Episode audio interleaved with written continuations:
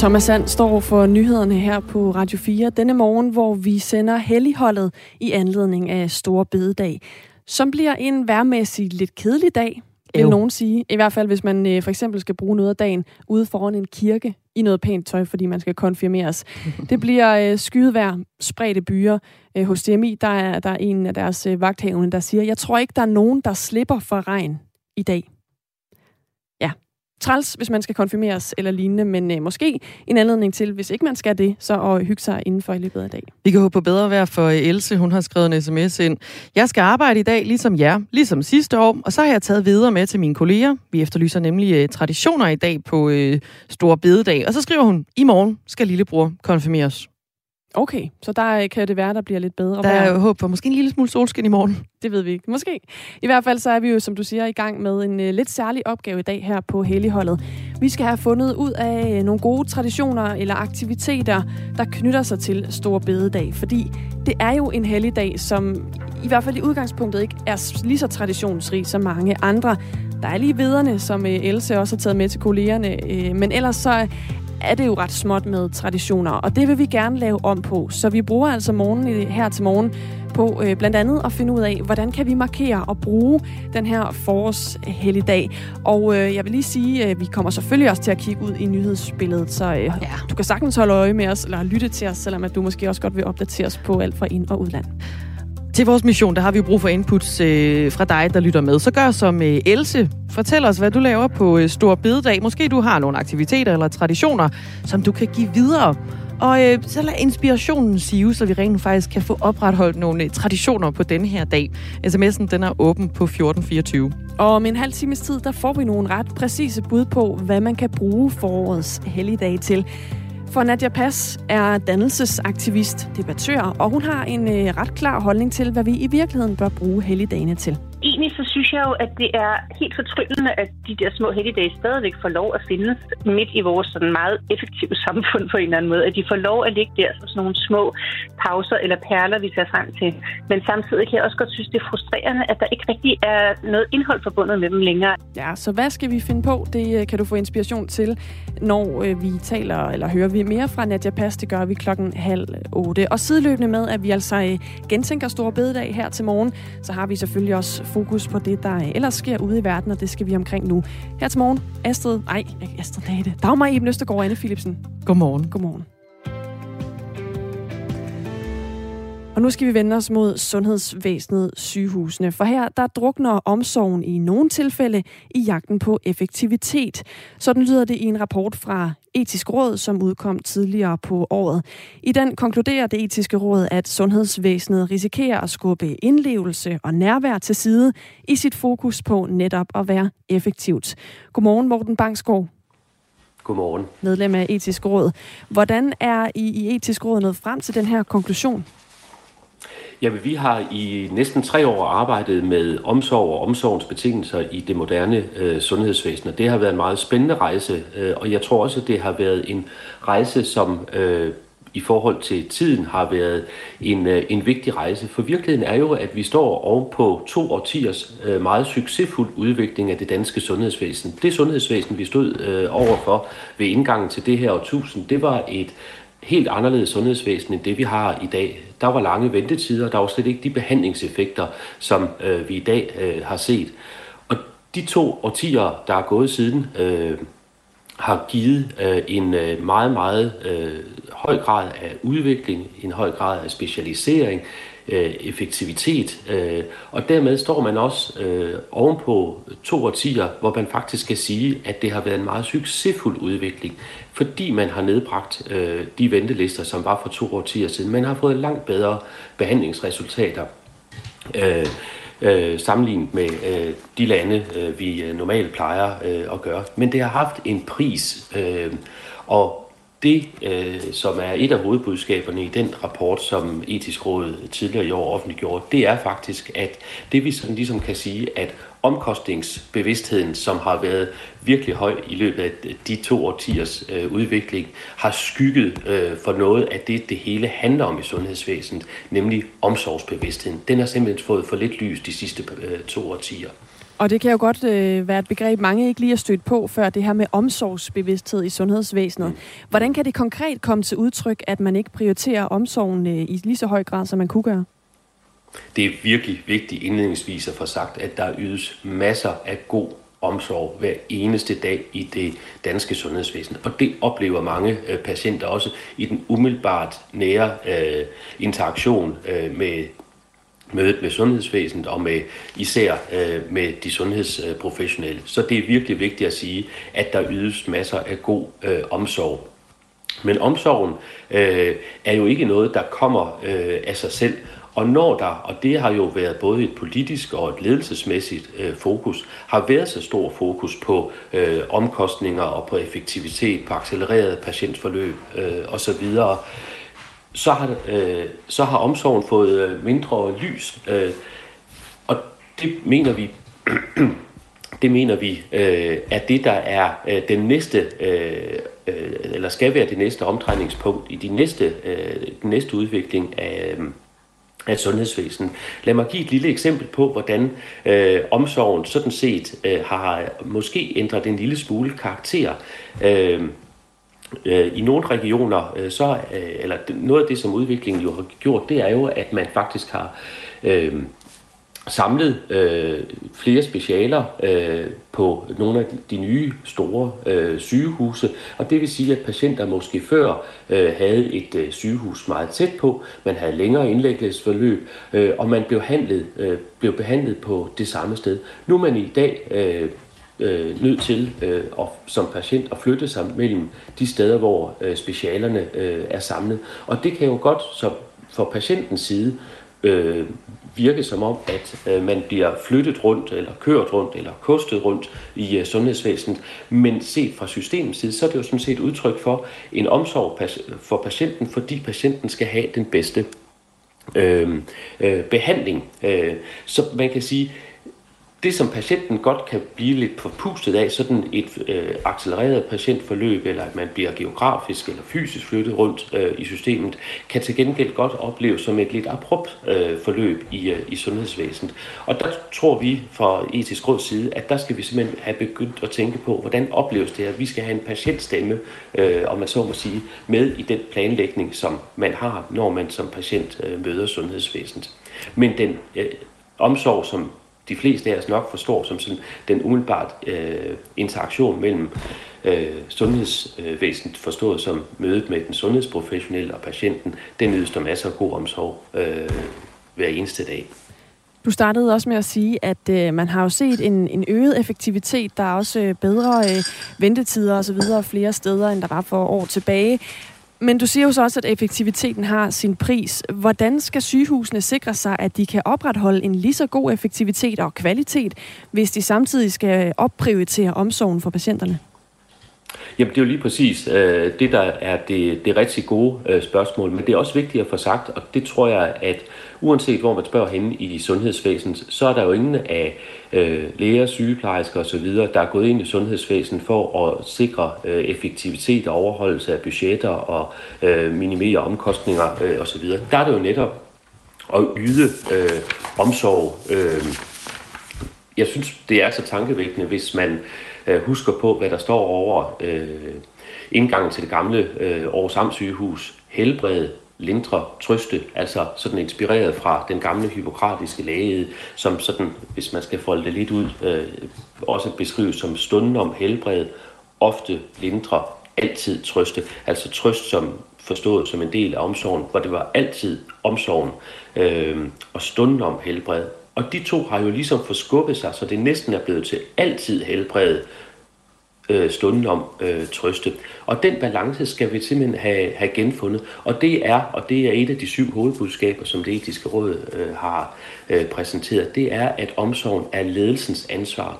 Ledelsen skal simpelthen sætte øh, omsorg på dagsordenen, præcis som man igennem de sidste to årtier har sat omkostninger og effektivitet på dagsordenen. Morten Bangsgaard, medlem af Etisk Råd. Vi skal lige høre fra et af de steder, som I hos Etisk Råd har fremhævet som et godt eksempel. Så hæng lige på her, og så får vi lige et eksempel på det. Ja, det er fint. Det er nemlig øh, kraftafdelingen på Vejle sygehus etisk råd har besøgt. Og den afdeling den bliver fremhævet som et godt eksempel på en afdeling, der har fokus på omsorg og nærvær over for patienterne. Her der har man indført, at patienterne de får en fast læge. Det fortæller Christa Havgård Nyhus, som er overlæge på Vejle sygehus.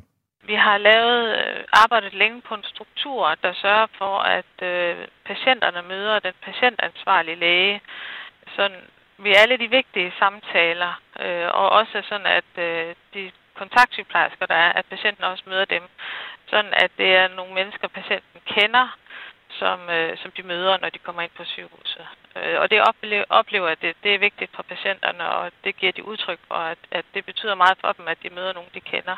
Inden ordningen kunne patienterne møde op til 10 og 15 forskellige læger, men det har en betydning for patienterne, når de får en læge, som også følger deres behandling. Når en patient har en samtale med en læge, så starter man altid et eller andet sted, og øh, hvis man så møder den samme læge flere gange, så kan man ligesom bare tale videre. Altså man skal ikke ligesom starte fra Adam og Eva igen. Man kan lægge nogle flere lag på. Man, det er måske nemmere at tale med, om noget, der er svært. Øh, for eksempel øh, skal man genopleves, hvis man får et hjertestop. Eller, eller andre ting, der kan være svære at tale om. Og, og det, er ikke, det er måske ikke så nemt at tale med en, man lige møder første gang. Så, så det, det er helt klart en fordel, og det er også, det er også en kæmpe fordel for os, at vi, vi kender patienterne, når vi så skal rådgive dem omkring de muligheder, der er inde hos os. At, at vi ved lidt om deres præferencer i forvejen. Så for lægerne, der giver det altså også en fordel, når man følger de enkelte patienter mere fast. Jamen, jamen det, er jo, altså det er jo det her med i virkeligheden, så, så det man kender patienten, men også det, at vi jo også har arbejdet meget med det, der hedder fælles beslutningstagen, altså den metode, hvorpå man ligesom bygger samtalen op til ligesom at få afdækket patientens ønsker, patientens liv, patientens behov. Øh, på en eller anden måde er det blevet nemmere at rådgive, fordi nu skal man ikke som læge sidde og gætte, det her er nok det bedste for patienten. Nej, men man har simpelthen meget bedre grundlag til at, ligesom at sige, jeg tror, vi skal vælge den her model til dig, den her behandlingsform, eller ingen behandling, eller noget andet hjælp. Øh, så så det, det giver en meget større arbejdsglæde for os, øh, både læger og sygeplejersker, øh, at vi føler, at vi kan give en meget bedre rådgivning, og, og, meget, og dermed også en behandling, der passer meget bedre til det, patienten ønsker, og deres livssituation. Ordningen med at give hver patient en fast læge kræver til gengæld også ekstra planlægning, understreger overlæge Christa Havgård Nyhus. Det er jo øh, noget, der skal hånd, øh, ikke håndholdes, men det er noget, der skal planlægges og hele tiden passes. Altså det, det er noget, man hele tiden skal gå efter og, og se, hvornår, hvornår er det så, det ikke lykkes, og hvad er det så for nogle øh, ting, der sker, øh, når lægen og patienten ikke mødes. Og, og det ligesom alle skal ligesom være indstillet på det. Øh, så det vil sige, at hele lægegruppen skal også være indstillet på, at man har nogle helt faste dage i ambulatoriet. Jeg er der for eksempel hver mandag og torsdag, og hvis ikke man ved, at jeg er der hver mandag og torsdag, så kan man jo ikke give patienten en, en tid om tre måneder, fordi hvad for en dag skal de så give patienten om tre måneder? Fordi hvornår er jeg der egentlig? Jamen, jeg er der mandag og torsdag. Og det er jeg altid, med mindre jeg er syg eller på kursus eller sådan noget. Øh, så, så det er noget af den struktur, som er super vigtig, og som kræver noget benarbejdes øh, i ledelseslaget, kan man sige, i afdelingen. Etisk Råds rapport peger altså på, at sundhedsvæsenet risikerer at skubbe indlevelse og nærvær til side i sit fokus på at være effektivt. Og det kan overlæge Christa Havgård Nyhus altså også godt den genkende til, kan være en udfordring. Øh, ja, jamen det, det kan jeg godt. Når det så er sagt, så kan man sige, at øh, når man arbejder inde på kræftområdet, så vil man normalt være lidt bedre normeret, end hvis man for eksempel er på en almindelig medicinsk øh, afdeling, hvor folk har lungebetændelse osv. osv. Så, så det med, at det er kræftområdet, det kan vi jo godt mærke, at, at vi har nok lidt flere ressourcer at gøre med. Men, men ellers så er det jo også bare hele tiden, og øhm, altså, vi, vi taler jo meget med hinanden også i personalet, og, og vi kan også bare mærke, at øh, det er vigtigt med den her nærvær sammen med patienterne. Og, og vi tager tiden til det, og vi sætter os ned, og der skal være ro omkring, omkring os, når, når vi taler sammen. Men, men, men det er klart, at hvis det er en dag, hvor man har meget travlt, så kan vi da også godt mærke, at øh, der var ikke måske lige helt den ro og nærvær, som man havde håbet på lige den dag. Fordi der var bare super travlt på afdelingen. Og det er jo det, der kan være en udfordring. Men det har altså betydning for patienterne, at der både er tid og også ro til at se dem i øjnene og møde dem der, hvor de er, mener overlægen det der med, at, at der selvfølgelig er afsat noget tid. Altså, der er simpelthen afsat tid, og, og der er et rum og en lukket dør. Altså, ikke? Og man sætter sig ned og, og at man lytter, og man virkelig lytter efter, og man, man forstår, og man vejleder, og man, man, man giver altså, de bedste faglige råd med udgangspunkt i, i patientens situation. Øh, og at man igen kommer, altså, og at man er tilgængelig også, og at, og at hvis nu patienten kommer hjem og tænker, ej, det er ikke det, jeg skal, at der så er mulighed for at lave en ny aftale, altså at, så vi også er tilgængelige, så vi, så vi kan følge op øh, med andre samtaler. Det kan også være på telefon, det kan være på en mail, at der er behov for lige at samle op. Så, så det der med at, ligesom at være tilgængelig, det synes jeg også er meget vigtigt.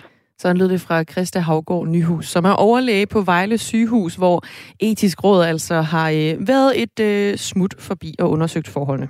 Morten Bangsgaard, medlem af Etisk Råd. Vi hører her om et øh, konkret eksempel på, at man hos øh, sygehusafdelingen der har haft fokus på at give plads til omsorgen for øh, patienterne. Hvilke andre måder kan man gøre det på?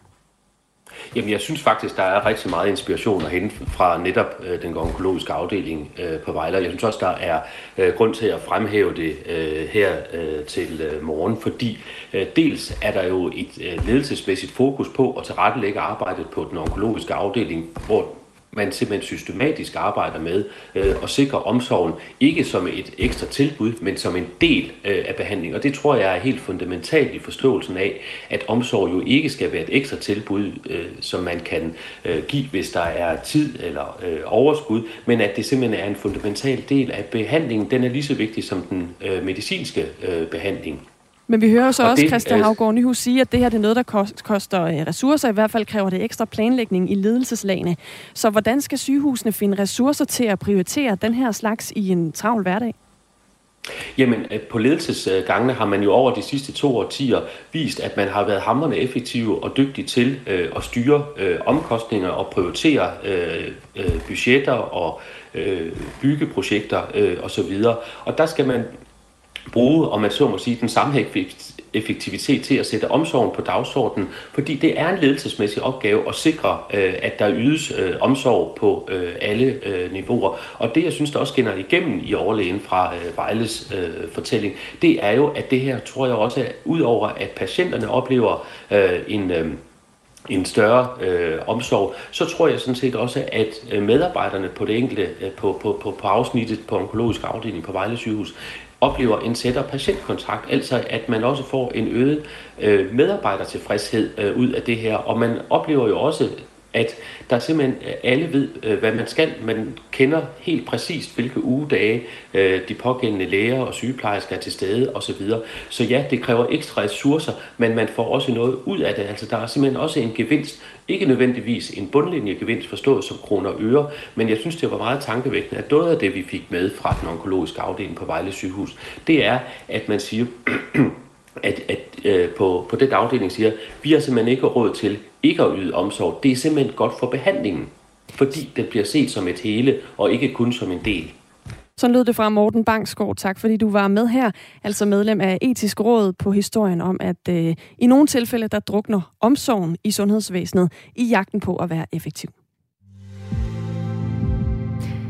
Her til morgen, der er vi i gang med at gentænke Stor Bededag. Du lytter nemlig til Helligholdet her på Radio 4. Det er jo en hellig dag, Stor Bededag. Vi har fri, men øh, den har ikke sådan forfærdelig mange traditioner bundet op på sig. Udover måske øh, lige de videre, vi spiste i, øh, i går, ristet og med en øh, omgang smør på, så er det lidt som om dagen den ellers står og flager lidt i vinden. Men der er alligevel nogle byer, hvor man faktisk har en øh, anden meget fast tradition dagen før Stor Bidedag. Det er for eksempel i Fredericia. Carsten Sørensen, godmorgen.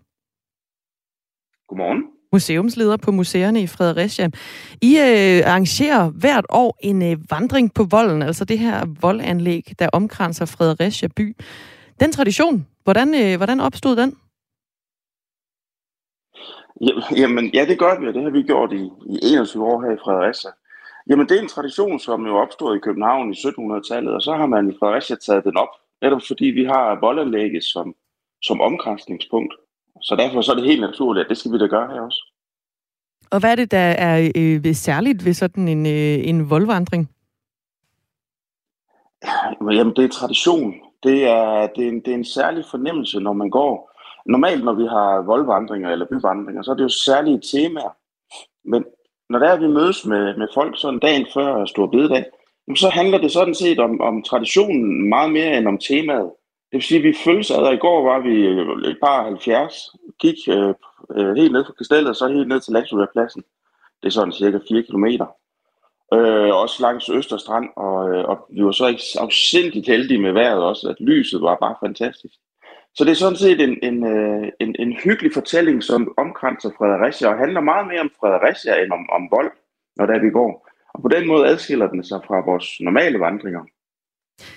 Nu er det noget, der opstod i, øh, i København en gang i, i fordomstider i Fredericia. Der har I holdt fast i det i, i 21 år, Carsten Sørensen, museumsleder på museerne i Fredericia, der altså arrangerer den her voldvandring i øh, Fredericia by. Hvor, hvordan kan det være, at traditionen den opstod altså oprindeligt med, med voldvandringen? Jamen, traditionen har faktisk øh, rødder helt tilbage til 1700-tallet, slutningen af 1700-tallet med oplysningstiden hvor man lige så stille og roligt begyndte at, at få en fornemmelse af, at man ville tilbage til naturen. Og når man så boede inde midt i København i slutningen af 1700-tallet, så var der sørme ikke ret meget natur i nærheden andet end, end den vold, som omkransede København. Så, øh, så, så borgerskabet begyndte at spacere på volden, hvor de så også skulle, øh, skulle ses og se hinanden. Og det var det, var det, det handlede om dengang. Og, øh, og det er så det, som på en eller anden måde stadigvæk kører, kører igennem nu. Det er, at vi skal, vi skal ud til vores natur. Og, øh, og, og i Fredericia, jamen dem, der bor inde i byen, så er den nærmest natur faktisk også Fredericia Vold, som stadigvæk omkranser hele midtbyen. I København, der promenerede man altså i gamle dage på, på volden. Det var aftenen før øh, Stor Bededag. Det var det bedre borgerskab, som du siger her, der benyttede lejligheden til at se og også blive set. Nu ved jeg, at I holdt voldvandring i, øh, i aftes. Var det også for at øh, se og også blive set? Nej, det var det ikke. Det var simpelthen for at, og, og, øh, og, og mødes og gå sammen og få, øh, få noget kultur og historie, samtidig med, at vi er ude og udnytte naturen. Og den her tradition... På den måde har det selvfølgelig udviklet sig. ja, fordi den her tradition, hvor, hvor, hvor fast er den også blandt borgerne i, øh, i Fredericia? Den er meget, meget fast. Altså det er, jeg kan, jeg, nu har jeg gået den 10 år selv, og jeg kan, jeg kan genkende rigtig mange af de mennesker, som er med. Øhm, så de, de har det simpelthen som tradition, også fordi så mødes vi øh, aften før Stor Bededag.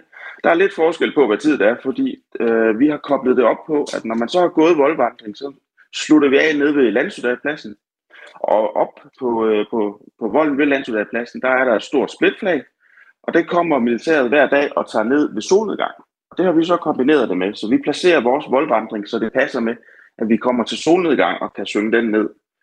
Øh, vores garnison deltager så med, med soldater i historiske uniformer og har en trompetist med. Så ved solnedgang, der kommer de op på volden og, øh, og trompeterer flaget ned. Og i går var det jo så kl. 21.19, at flaget skulle tages. Og derfor så var, det, så var det vigtigt, hvornår vi startede. I Fredericia? sige, at, at vores, vores tidspunkt, ja, vores, vores tidspunkt for at starte, det skifter lidt. Men, øh, men, men dagen før Store Bededag, den ligger fast. Det er altså en fast tradition i Fredericia, at man øh, går på voldvandring. Vi taler med Carsten Sørensen, som er øh, museumsleder på museerne i Fredericia, der arrangerer det her. Og øh, Carsten Sørensen, vi forsøger jo her til morgen at få koblet nogle flere traditioner på Stor Bededag. Det er jo ikke alle byer, der for eksempel har en vold, man kan vandre på. Øh, øh, så kan man alligevel bruge den her øh, tradition til et eller andet i de byer, hvor man ikke lige har en, øh, en vold? Ja, det kan man. Grundtanken er, at, at man skal ud og promenere i naturen. Grundtanken er det her med at komme væk fra, fra, fra byen, fordi det har rødder i det med opløsningstiden, hvor man begyndte at få fornemmelsen af øh, naturoplevelse og fornuft. Så på en eller anden måde, så kan man jo sagtens øh, tage fat i det, og finde øh, et stykke nærtliggende natur, hvor man kan komme ud og spacere sammen. Sådan lød det fra Carsten Sørensen, museumsleder på museerne i Fredericia. Tak for det. God stor bededag. Selv tak. Ja. Tak og lige måde. Der fik vi da tilføjet en uh, ting til listen her. En god tur kan være en af de ting, man kan bruge sin uh, dag på. Ea skal bruge den på noget lidt andet. Hun har skrevet ind på 1424, at hun skulle have været i sommerhus, men så skete der det, at hun glemte at reservere sit eget sommerhus, og pludselig så var det booket til anden side. Så nu øh, smutter vi en tur om smukke Lyngby Sø, mens vi tager i bio, så en skøn salat med rejer derhjemme, en gang egospil, lidt kaffe, og så slutter aftenen med tango i Dansekapellet. Ja, det lyder fedt. Ja, det lyder nemlig rigtig spændende. Måske tango kan være en stor bededagstradition. Vi vil rigtig gerne høre om de ting, du skal lave i dag. Hvad skal du bruge din stor bededag på? Har du nogle traditioner, så hører vi også gerne dem. 1424 er nummeret. Jeg vil gerne med til tango i Dansekapellet. Hvad siger du, Thomas Sand? Ja, tak. Ja, fedt. Klokken den er halv otte.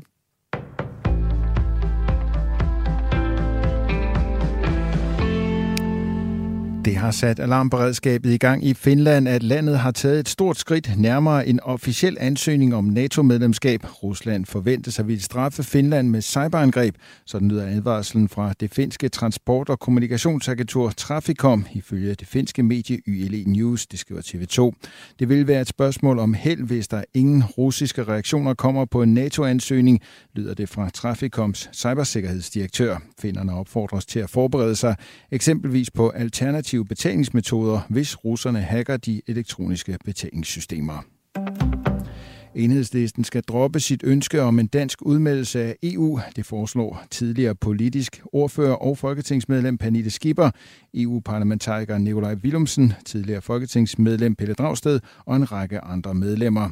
De har på partiets årsmøde i Valby, der begynder i dag, stillet et forslag til en ændring af enhedslistens EU-politik, der er på dagsordenen på landsmødet. EU sætter både begrænsninger på klimaområdet for os, men skaber jo også nogle forbedringer på miljø- og klimaområdet. Og på nylig, der var det på ligestillingsområdet, der kom et nyt direktiv, som er på vej igennem, som handler om at sikre en meget bedre ligelønslovgivning øh, i medlemslandene, og som også vil betyde noget for ligeløn, øh, blandt andet i den offentlige sektor øh, for, for de kvindedominerede fag, som har kæmpet de sidste mange år. Altså, det er jo et eksempel på, at der godt kan komme gode ting fra EU, og at verden den er ikke så, så sort-hvid. Og derfor det, det er vigtigt at have med i sin EU-politik. Der kan også skabes progressiv forandring igennem EU-systemet, selvom der er et demokratisk underskud, som, som vi ikke må overse.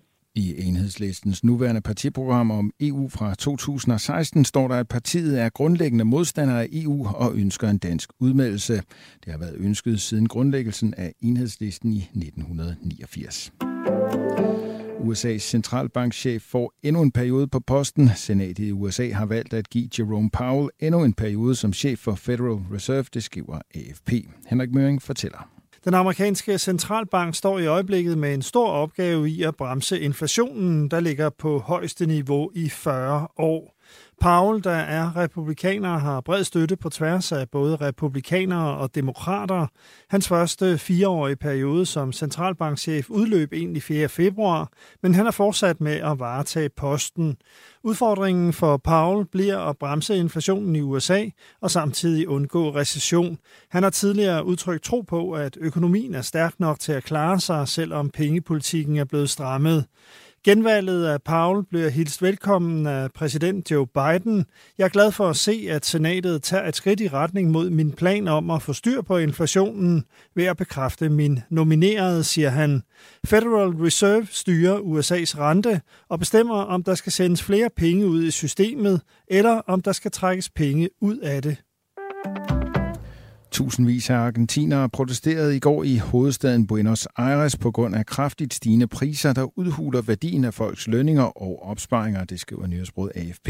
Det er især priserne på fødevarer og brændstof, som går i vejret. I de første fire måneder i år er forbrugerpriserne steget med 23 procent, inklusiv en stigning i april på 6 procent. I marts var inflationen endnu højere med en stigning på 6,7 procent i forhold til den foregående måned. Det var ifølge nyhedsbruget Reuters den højeste stigning i to år årtier. Fortsætter stigningstakten, kan inflationen for hele 2022 nå op omkring 60 procent. Vi får mest skyet vejr med spredte byer og temperaturer mellem 12 og 15 grader i dag.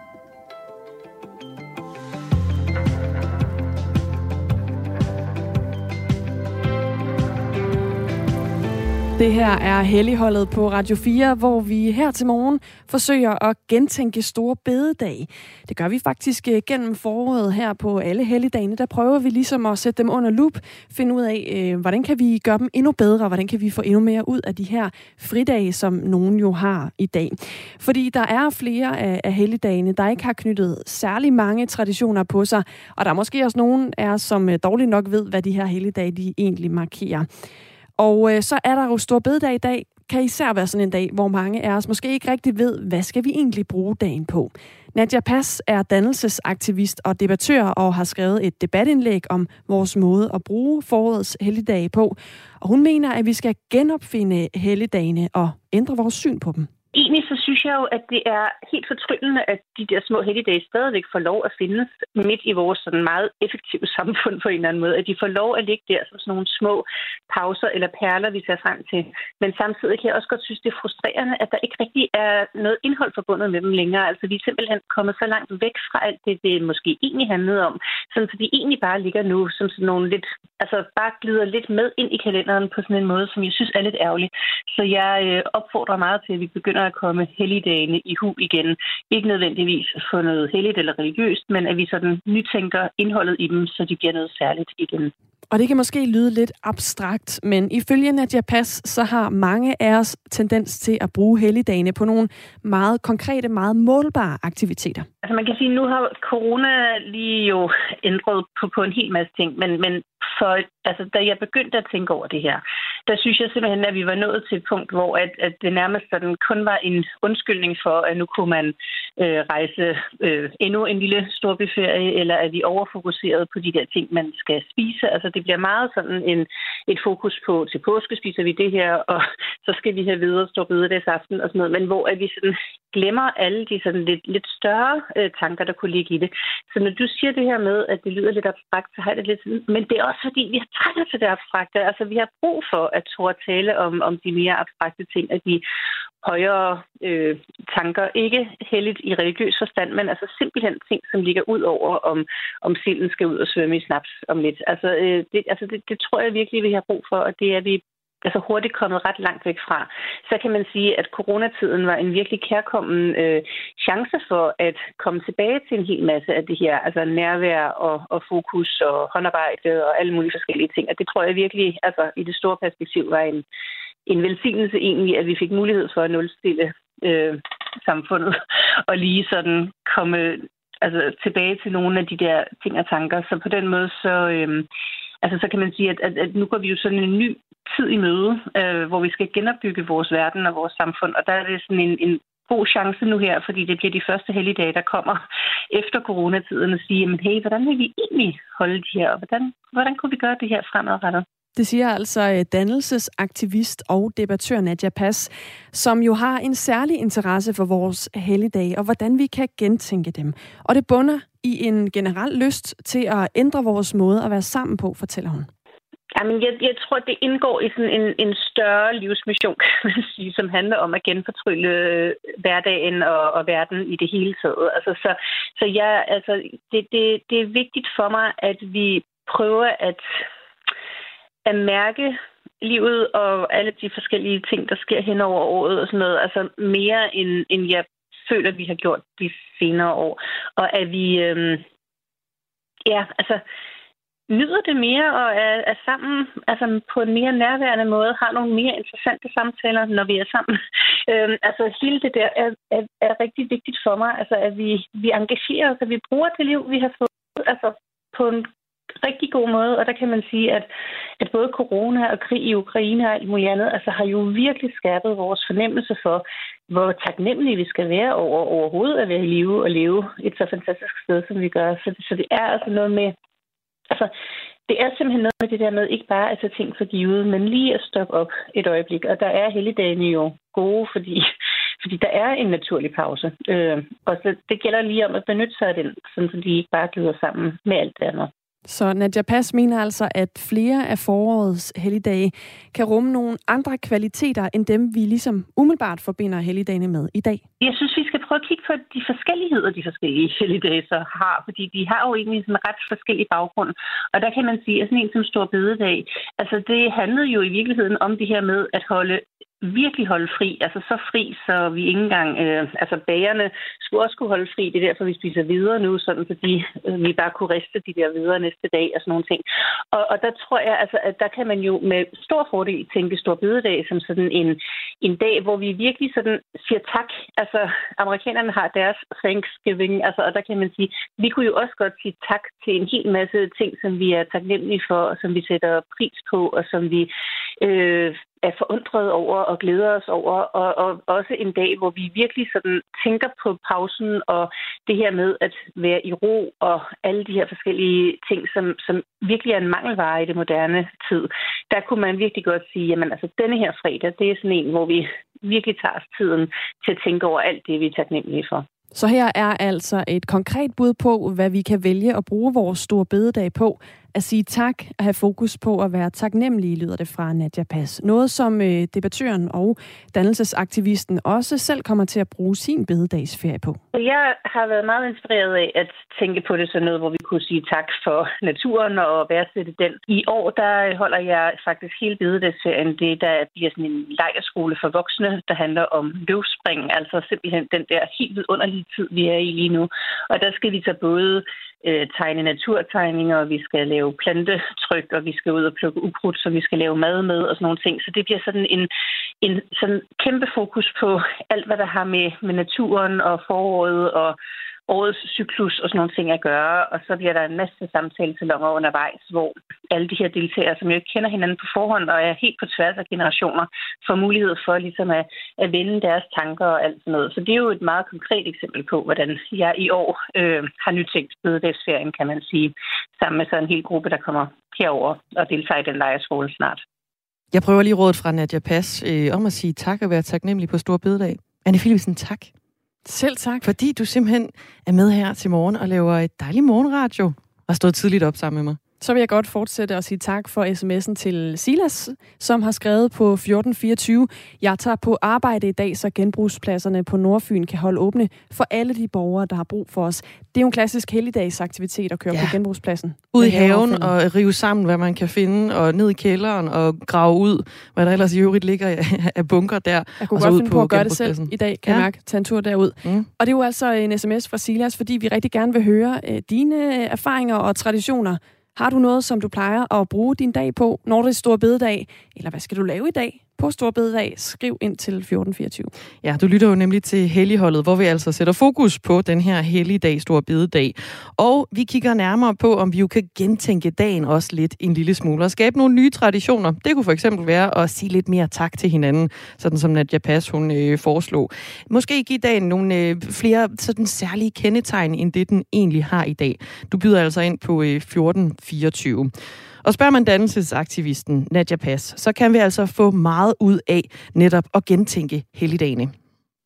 Men jeg tror, at altså, jeg, jeg, jeg tror Altså, jeg, jeg er ikke en, som sådan synes, vi skal holde helt vildt fast i alle mulige traditioner og højtider og gøre det bare per automatik. Men, men jeg tror, at vi er kommet så langt væk fra en hel masse af de der ting, at alt på en eller anden måde glider sådan lidt sammen. Og derfor så, øh, så tror jeg simpelthen, at, at vi har brug for, at, at ting adskiller sig lidt, at man glæder sig over nogle ting, at man ikke bare kigger i kalenderen, og så har man sådan, åh, oh, okay, nå nej, der kan vi ikke lave en aftale, fordi det er jo stor bededag, eller der, det, det, kan, det lader sig heller ikke lige gøre at holde et møde der. Eller, altså, sådan, det kommer bare til at blive sådan en, sådan en lidt praktisk forstyrrelse, som det er i dag, altså uden at det har sådan den der, øhm, altså den magi, det kunne have haft. Og, og, og der, der synes jeg, altså, og det gælder jo også alt muligt andet end helligdagene, altså jeg, jeg synes, at vi hurtigt kommer til at gøre mange ting så, øh, så lidt altså så uhøjtidlige nu. Altså, vi, vi er simpelthen det kommet over nu. Altså,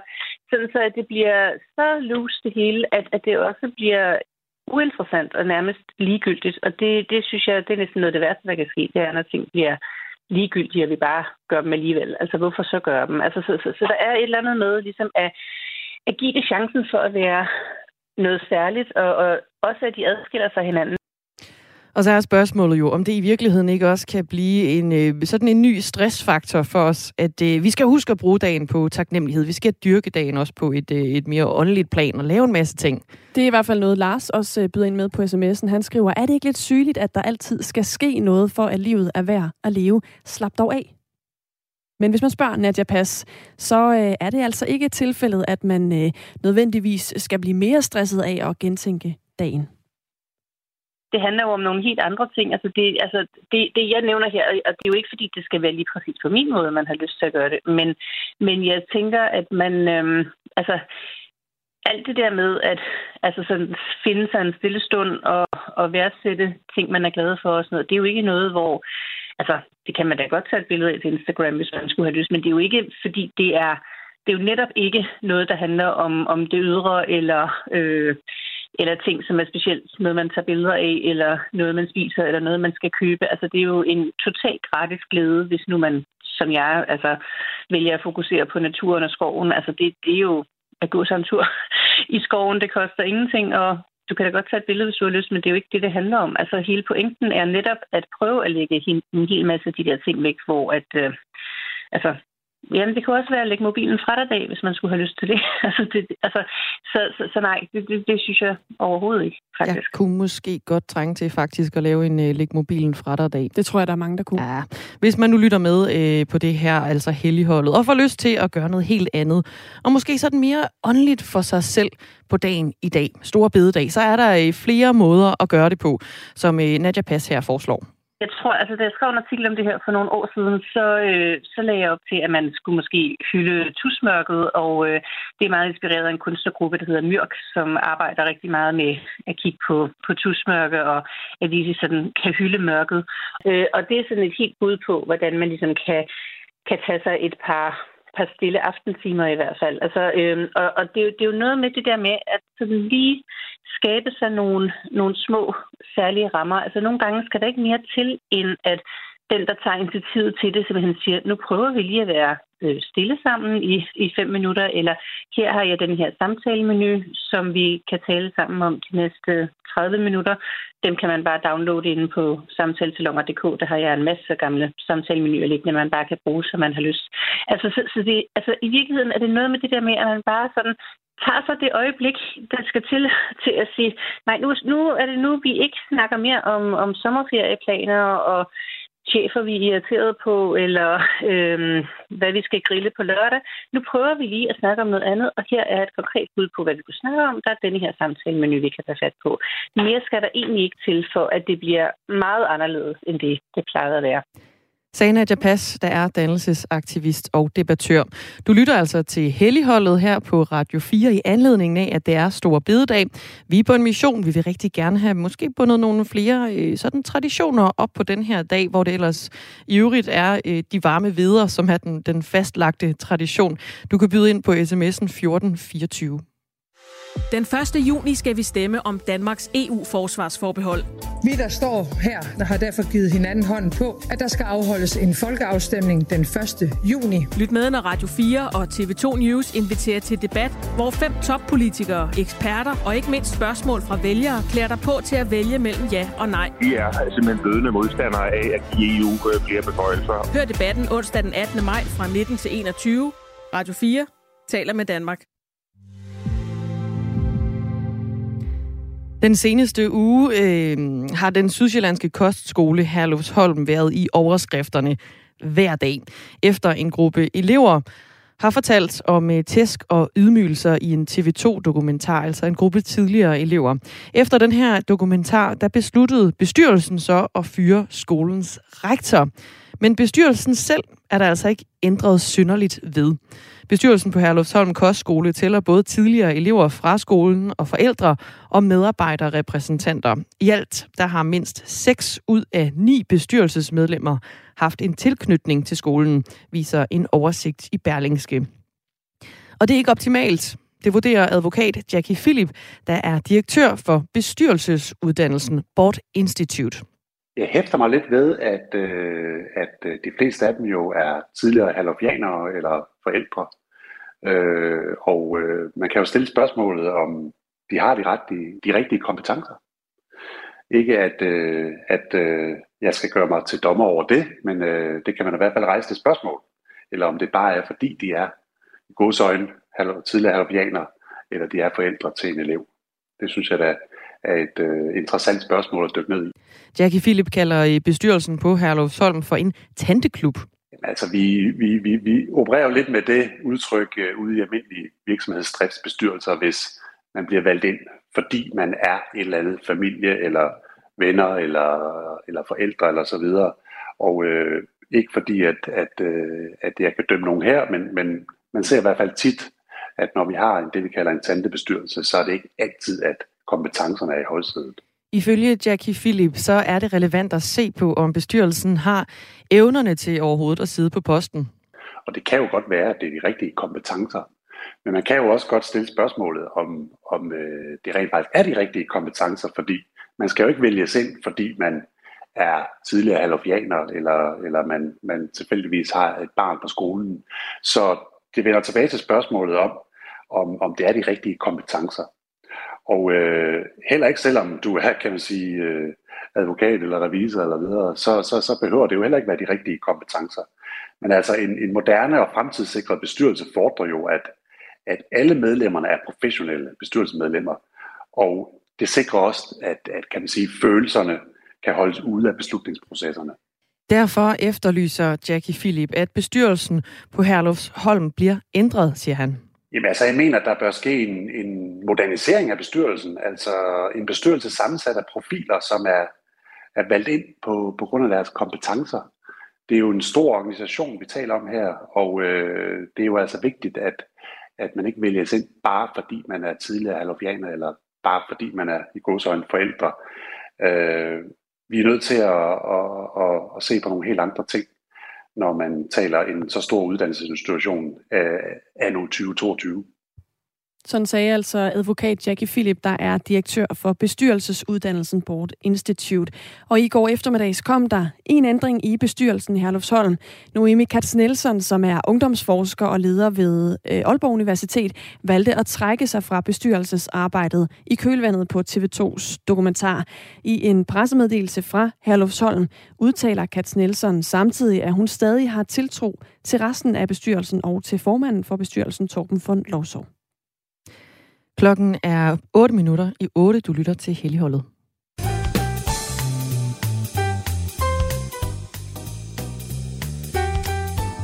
Og det er blevet quiz-tid. Ikke Anne. en dag uden quiz. Nej.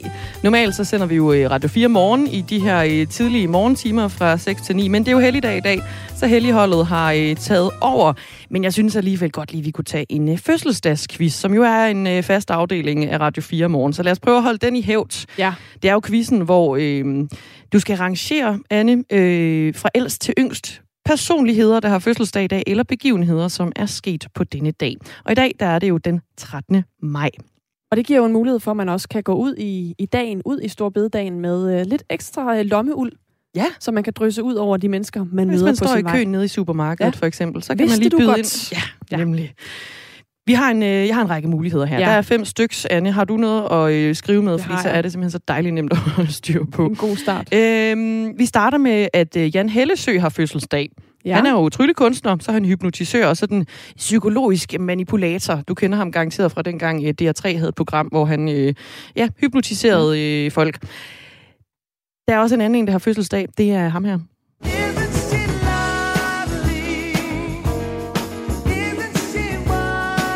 Stevie Wonder, mm. amerikansk sanger og musiker, har også fødselsdag i dag på den 13. maj. Derudover så får øh, Farum i øvrigt en ny borgmester på den her dato. Han hedder Lars Karpens, og han overtager posten fra Peter Brikstofte, der har meldt sin afgang over på en øh, række skandalesager. Morsdag bliver afholdt for første gang i Danmark på den 13. maj. Og så ved jeg jo, at du er... Øh, du er Melodi Grand Prix-fan. Mm. Brødrene Olsen, de vinder europæisk mm-hmm. Melodi Grand Prix med deres egen Fly on the Wings of Love på denne dato. Fly on the wings of love.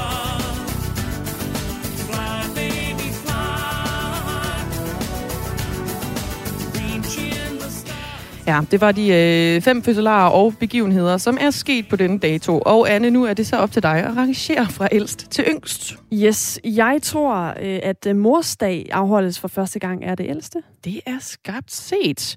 Dagen den blev øh, oprettet, eller hvad kan man sige, øh, indført første gang i England i 1913. Den kom til Danmark i 1928. Det vil sige, at mors dag i Danmark er 8, nej, 94 år gammel på den her dato. Den bliver fejret altid den anden søndag i maj måned. Så det har altså været mors, morsdag øh, i den her maj måned. Skulle du have misset den? Det gjorde jeg faktisk ikke. Gør du ikke det? Nej. Nå, det er godt. Jeg Ja. var del med lige ved at miste. Mm, det koster. Nå, så siger jeg, at det er Stevie Wonder, der har fødselsdag. Sådan. Ja. Okay, godt arbejde. Ja. Godt, så tror jeg, det er Jan Hellesøs tur. Det er Jan. Hellesøs tur. Mhm. Stevie Wonder, han fylder 72 år i dag, vil jeg lige øh, skyde ja. ind her fra højre. Og Jan Hellesø, han fylder rundt, han fylder 40. Nej, stort tillykke. Stort tillykke med det. Så skal vi jo til det sidste. Og der siger jeg... De ligger lidt tæt på hinanden. Ja, det er nemlig det. Ja. Og uh, jeg, jeg har... Øh, Den er tricky. jeg siger Brødrene Olsen. Yes! Det er jo år 2000. Det er nemlig år 2000. 22 år siden, der vandt Brødrene Olsen Europæisk Melodi Grand Prix, og det, er- ja, det er en sang, der går ja, over i historien. I hvert fald i din historie. Så legendarisk. Jamen, jeg kan slet ikke... Øh, ja. ja. Og så siger jeg øh, Peter Brikstoftes afgang, ny borgmester yes. i Farven. Nemlig. Det var en øh, svær proces, kan vi godt afsløre her. Øh, 20 år senere mm. er det i dag. Byrådet de havde op til, at det her det ligesom blev meldt ud, der havde de været øh, enige af forskellige omgange om hele tre forskellige borgmestre efter Okay. Peter op. afgang. Og han gik jo af, efter han blev anklaget for øh, groft at have misbrugt kommunale midler. Det var øh, misrygt af kommunal økonomi, og i øvrigt have gennemført øh, forskellige ulovlige tiltag. Men i dag, der øh, blev det altså Lars Carpens, som øh, overtog borgmesterposten i Farum Kommune. Sådan. Flot, Anne Philipsen. 5 ud af 5. Det er godt for mig at få fødselsdagsquiz i nærheden af Eurovision øh, år, fordi jeg var også igennem quizzen i går, hvor der også var et Eurovision spørgsmål, altså Melodi Grand Prix spørgsmål. Og så, så får jeg altså lige øh, et holdepunkt. Ej, du som kan svare godt for det mig. der. Det er Ja. simpelthen så smukt. Her til morgen, der markerer vi i helligholdet Stor Bededag ved at jamen, vende og dreje helligdagen lidt. Mangler den nogle traditioner? Kan vi give noget til den her dag, så den bliver endnu bedre, og den ligesom kommer til at stå endnu skarpere for os? Og noget af det, som jeg i hvert fald forbinder med traditioner, det er musik. Til Mm. jul, der er julemusikken jo klassiker, ikke? Det er med til at give stemning. Ja. Man skal bare høre nogle bjæller, og så er man øh, klar til at pynte op i alle kroge af, af huset, ikke? Så er spørgsmålet jo, kan vi gøre det samme her i Storbededagsferien? Ja. Kan vi sætte noget musik på? Komme i stemning? Måske. Jeg er spændt nu. Jeg har i hvert fald fundet et nummer, som traditionelt har været et vaskeægte bededagsnummer, og det hedder Aftentur på Volden. Ah.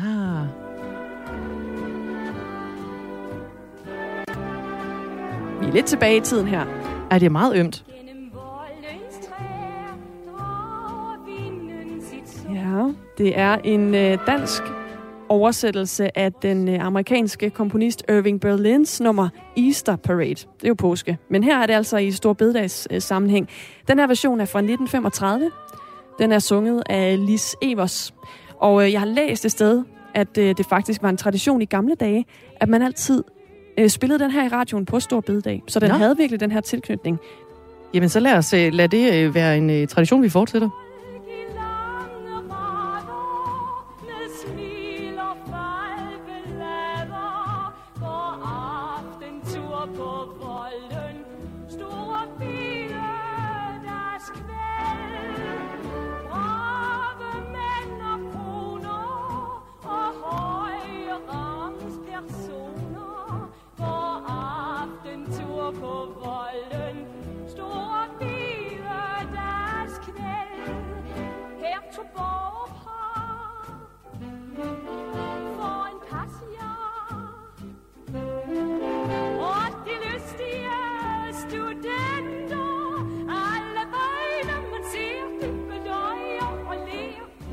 I solens